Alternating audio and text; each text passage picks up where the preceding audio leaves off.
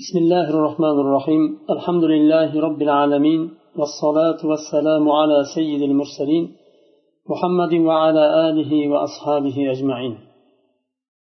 بقول لمعة الاعتقاد القضاء والقدر فصلا ومن صفات الله تعالى أنه الفعال لما يريد. الله تعالى صفات لردندر استجن نرسان قلشيا لا يكون شيء إلا بإرادته. Biror bir narsa bo'lmaydi magar allohning irodasi bilan bo'ladi biror bir narsa allohni mashiatidan chiqolmaydi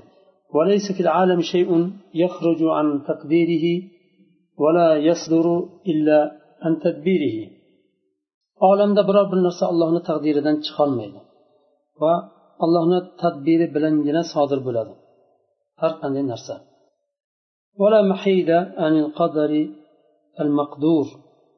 taqdir qilingan qadardan chiqib ketolmaydi hech narsa. Qanday taqdir qilingan bo'lsa shu shunday holda sodir bo'ladi.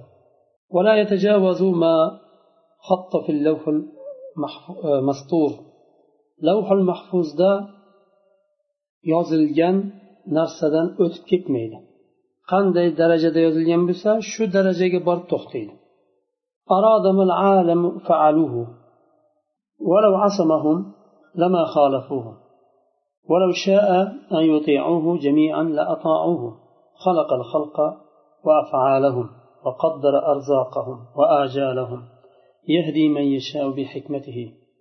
عالم دقي نرسلر عالم دقيلر يعني قلدقي نرسسنا نرسلرنا الله تعالى إرادة قلده الله تعالى خلق bo'lishiga qaramasdan bandalarni fe'llari lekin irodani alloh taolo bandalarni o'ziga bergan. Agar alloh taolo ularni ma'sum qilganlarida ular muxolif bo'lolmasdi. Ma'sum ya'ni gunohlardan tiyilinadigan qilib yaratganda farishtalardek allohni hukmiga muxolif bo'lishmasdi. Agar alloh taolo istaganda bandalarning hammasi allohga itoat qilardi. Alloh taolo xalqni va xalqning fe'llarini ham yaratdi. Rizqlarini va ajallarini taqdir qildi. Alloh taolo hikmati bilan istaganini hidoyat qiladi. La yusalu amma yafal va hum yusalun. Alloh taolo qiladigan narsasidan so'ralinmaydi. Hech kim so'rayolmaydi nima uchun qilding deb. Vahum yusalun bandalar qullar so'ralinadi alloh taolo so'raydi ulardan nima uchun qilding nima uchun qilmading deb. Biz har bir narsani hamma narsani qadar bilan yaratdik. Va yana aytyapti alloh taolo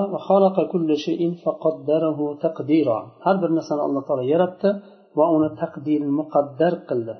O'lchab yaratdi har bir narsani. va yana aytyapti ma musibatin fil ardi wala fi anfusikum illa fi kitabin min qabli an nabra'aha. Biror bir musibat yetsa yerda yo sizlarni o'zlaringda. Bu sizlarni yaratilishdan oldin xalqlarni yaratishdan oldin lavhul mahfuzda bu yozilgan edi deyapti alloh taolo.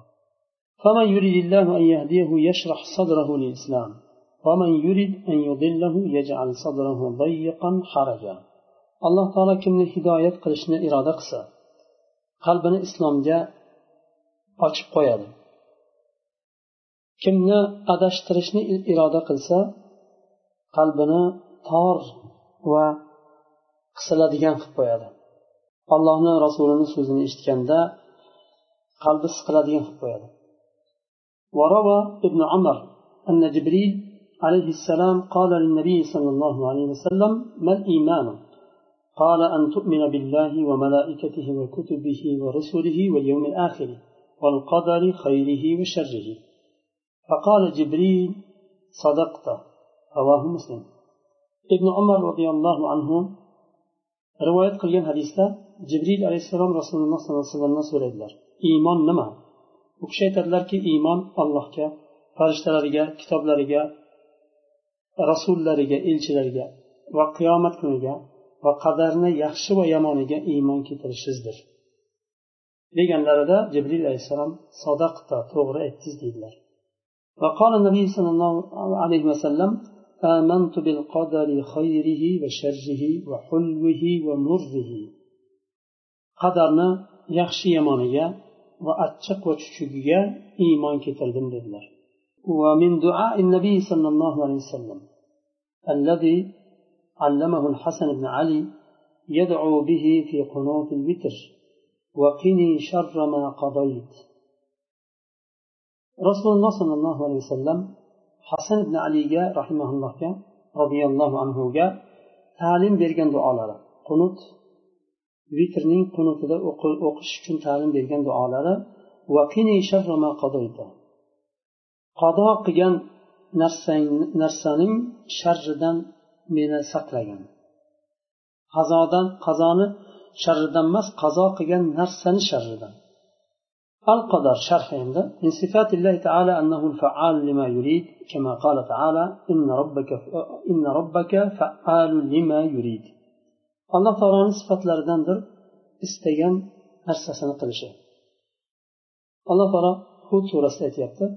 Robbiz istagan narsasini qiluvchidir فلا يخرج شيء عن إرادته وسلطانه ولا يصدر شيء إلا بتقديره وتدبيره بيده ملكوت السماوات والأرض يهدي من يشاء برحمته ويفعل ويضل من يشاء بحكمته لا يسأل عما يفعل بكمال حكمته وسلطانه وهم يسألون لأنه لأنهم مربوبون mahkumun biror bir narsa allohni irodasidan va saltanatidan chiqib ketolmaydi. Va har qanday narsa allohni taqdiri va tadbiri bilan sodir bo'ladi. Allohning qo'lidadir osmonlar va yerlar. Alloh istaganini rahmati bilan hidoyat qiladi va istaganini hikmati bilan adashtiradi. Alloh taolo qilgan narsalardan so'ralinmaydi.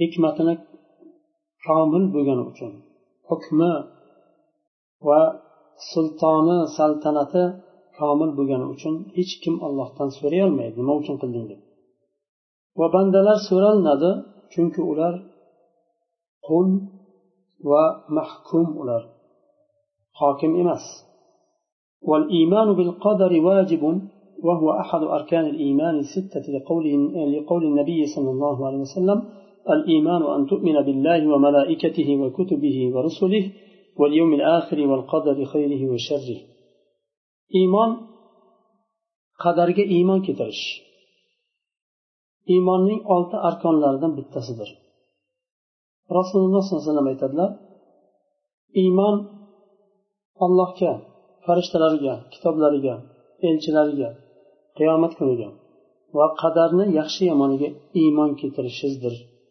وقال النبي صلى الله عليه وسلم آمنت بالقدر خيره وشره حلوه ومره وينا aytdilarki sallallohu alayhi vasallam qadarni yaxshi yomoniga va achchiq chuchugiga iymon keltirdim ya'ni achchiq va shiriniga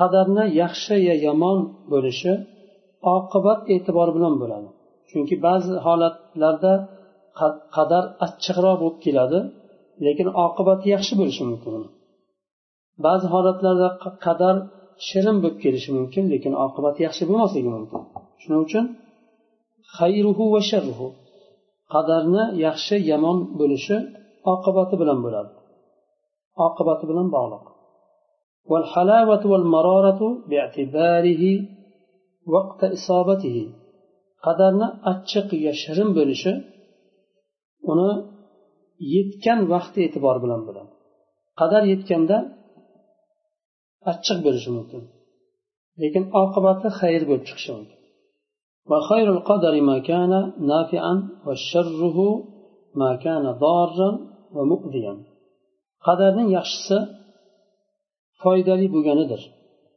agar achchiq bo'lib kelsa ham va qadarni yomoni zararli bo'lgani aziyat beradigan bo'lib kelganidir. والخير والشر هو بالنسبة للمقدور وعاقبته فإن منه ما يكون خيرا كالطاعات والصحة والغنى ومنه ما يكون شرا كالمعاصي والمرض والفقر قدرني يخشى يعني يمان بولشة قدر قلن ينسبة وأنا عاقبة ينسبة بولد qadardan ba'zisi xayr bo'ladi toatga o'xshagan sihat va g'ina behojat bo'lishga o'xshagan va ba'zilari shar bo'ladi ma'siyatlar kasallik faqrga o'xshagan ammo بالنسبة لفعل الله فلا يقال إنه شر لقول النبي صلى الله عليه وسلم في دعاء القنوت الذي علمه الحسن بن علي وقني شر ما قضيت فأضاف الشر إلى ما أضافه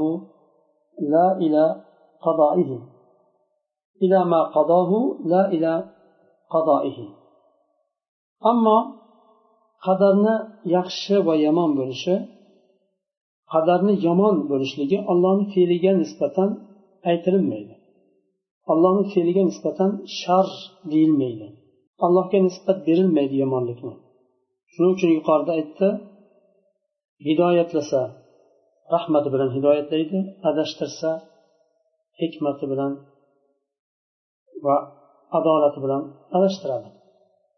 Hasan ibn ali roziyallohu anhuga qunub duosini o'rgatganlarida aytdilar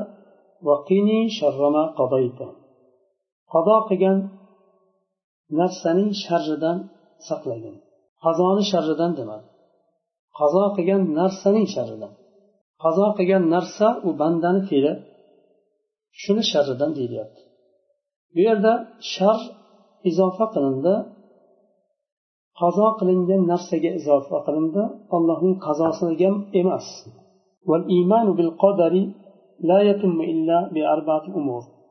Qadarga iymon keltirishlik to'rt narsa bilan komil bo'ladi. Birinchisi al iymon bi annalloh alimun alimun كل ما يكون جملة وتفصيلا لعلم سابق لقوله تعالى ألم تعلم أن الله يعلم ما في السماوات والأرض؟ إن ربك إن ذلك في كتاب إن ذلك على الله يسير. الله تعالى حبر نرسانة جملة وتفصيلا bilishiga iymon keltirish sobiq ilm bilan oldindan alloh taolo azaldan buni bilardi nima bo'lishini allohni ilmidan tashqarida biror bir narsa hosil bo'lmaydi. Demak qadar kelganda achchiq qadar kelsa ham iymon keltirish kerakki alloh taolo buni biladi kelganini alloh taolo aytyapti haj surasida bilmaysizmi alloh taolo osmonlar va yerdagi narsalarni biladi. Bu narsalar hammasi kitobda lavhul mahfuzda yozilgan.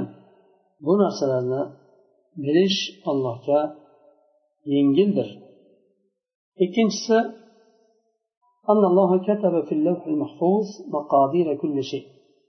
alloh taolo lavhul mahfuzda har bir narsani taqdirini yozdi hadid surasida ما أصاب من مصيبة في الأرض ولا في أنفسكم إلا في كتاب من قبل أن نبرأها biror bir narsa bir musibat sizlarga yetgan bir musibat o'zlaringga yo yerda yetgan bir musibat bu sizlarni ya'ni xalqni yaratishdan oldin kitobda lavhul mahfuzda bu yozilgan edi. Ay nahluqal xaliqata ya'ni min qabli an nabraaha bu yerda tafsir qilyaptilar.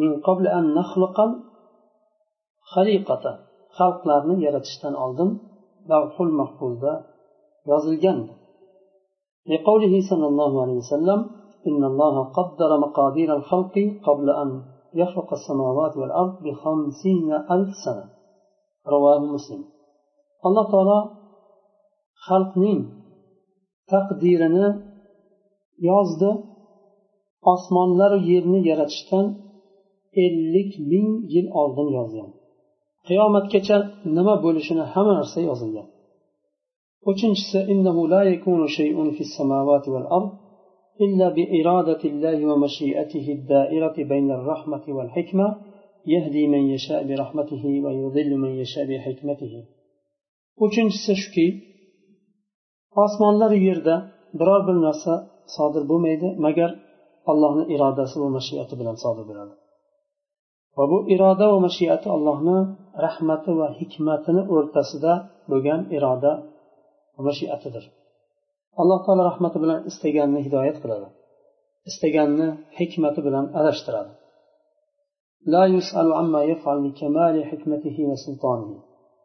Saltanatini va hukmini komilligidan komil bo'lgani uchun alloh taolo biror bir narsadan qilgan narsalaridan so'ralinmaydi.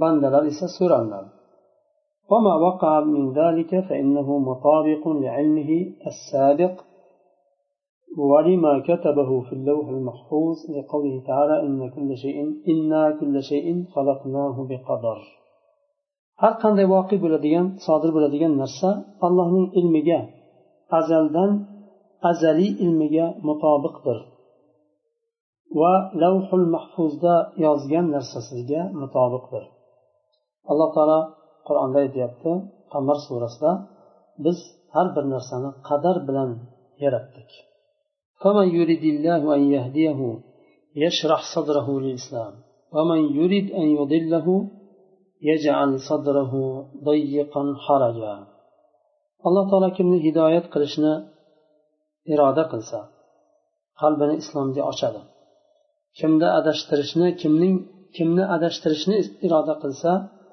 qalbini tor va tang qilib qo'yadi islomga nisbatan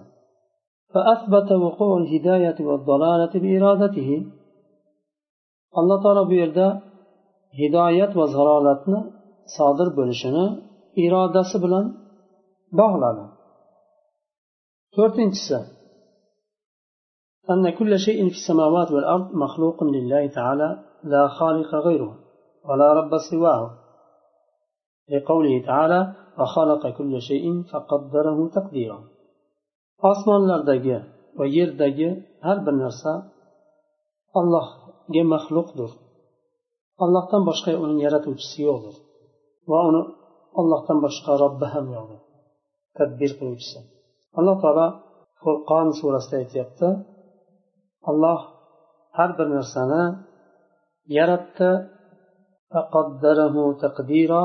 va u uchun bir qadar qildi taqdir o'lcham bilan yaratdi mana shu to'rtta narsani to'rtta narsaga iymon keltirmasdan oldin qadarga bo'lgan iymon komil bo'lmaydi وقال على لسان إبراهيم والله خلقكم وما تعملون ibrohim alayhissalomni tillariga tillarida alloh taolo aytdi olloh sizlarni yaratdi va qiladigan amallarni ham yaratdi. ولا نجعل قضاء الله وقدر قدره قدره حجة لنا في ترك أوامره واجتناب نواهيه بل يجب أن نؤمن ونعلم أن لله علينا الحجة بإنزال الكتب وبعثة الرسل قال تعالى لئلا يكون للناس على الله حجة بعد الرسل allohni qazo va qadarini o'zimizning foydamiz uchun hujjat qilolmaymiz. Allohni amrini tark qilishda va nahiylaridan chetlanishda alloh shunday yaratgan ekan taqdir qilgan ekan deb bo'lmaydi masalan o'g'irlik qilgan kishi qadar ekan bu alloh shunday yaratgan ekan taqdir qilgan ekan qochib bo'lmaydi qadardan deyolmaydi. Balki vojib bo'ladi bizga iymon keltirishlik va bilishlikki alloh taolo bizga bizni zararimizga hujjat qildi kitoblarni nozil qilish bilan va payg'ambarlarni elchilarni yuborish bilan. Va niso surasida aytdiki elchilardan keyin odamlarning foydasiga allohga qarshi hujjat bo'lmasligi uchun alloh taolo elchilarni va kitoblarni nozil qildi. Al qadaru laysa hujjatan e, lil asi ala fi'l ma'siya. Qadar osiy uchun ma'siyat qilishga hujjat bo'lolmaydi.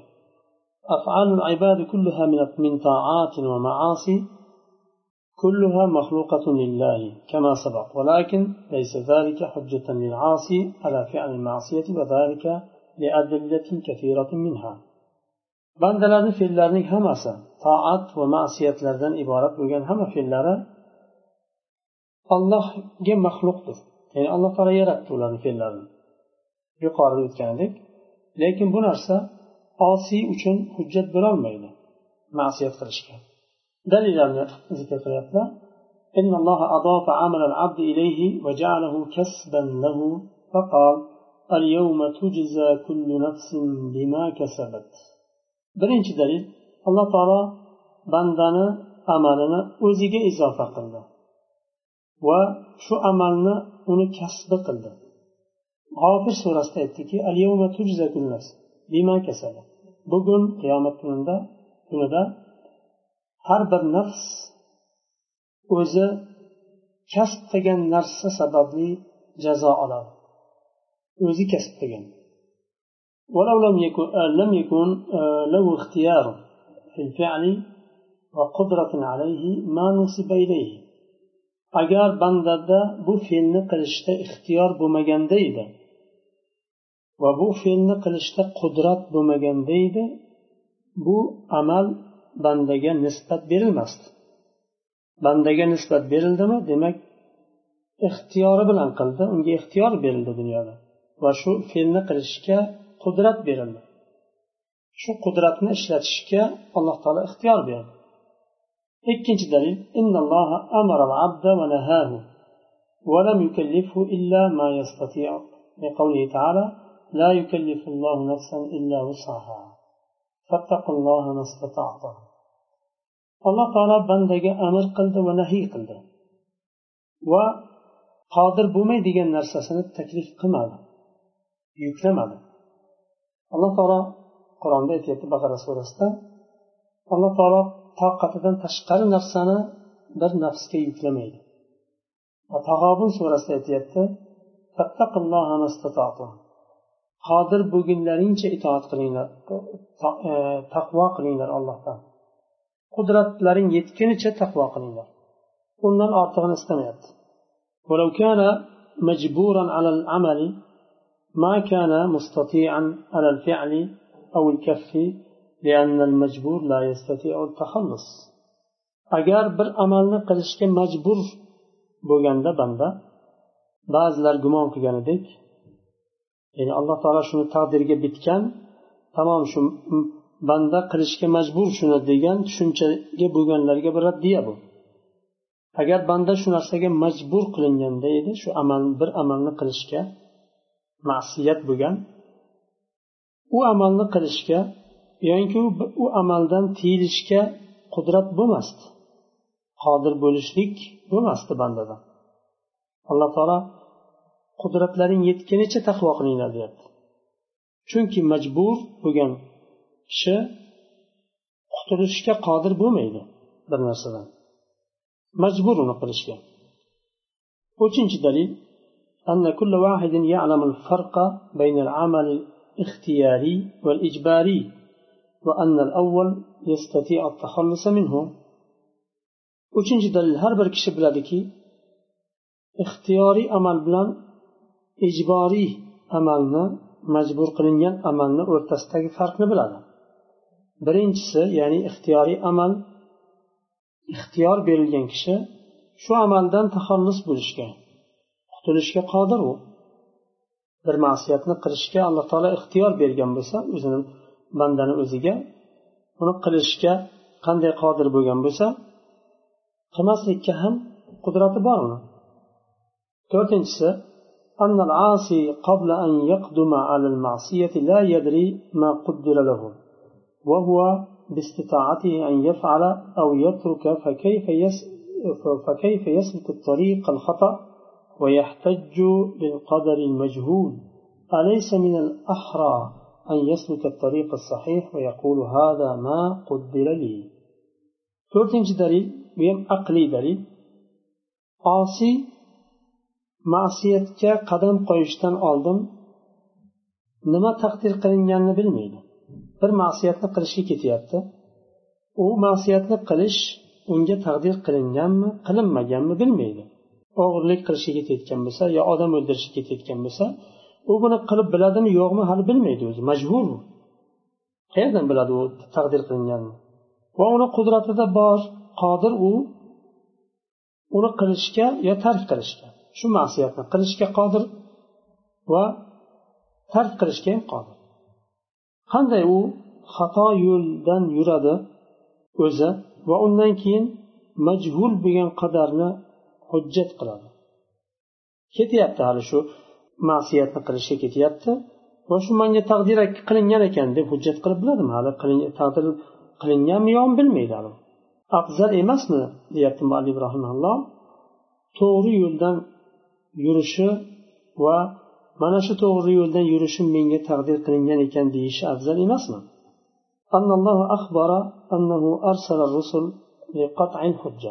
Alloh taolo payg'ambarlarni rasullarni yubordi hujjatni kesishlik uchun. Ya'ni hujjat bandalarga ning foydasiga allohga qarshi bo'lgan hujjatni eshigini yopib qo'yish uchun. elchilardan keyin odamlar uchun allohga qarshi hujjat bo'lmasin uchun alloh taolo elchilarni yubordi va kitoblarni nozil qildi ولو كان القدر حجة للعاصي لم تنقطع بإرسال الرسل agar qadar osiy uchun hujjat bo'lganda edi bu hujjati elchilar yuborish bilan yuborishlik bilan uzilmagan bo'lardi davom etgan bo'lardi.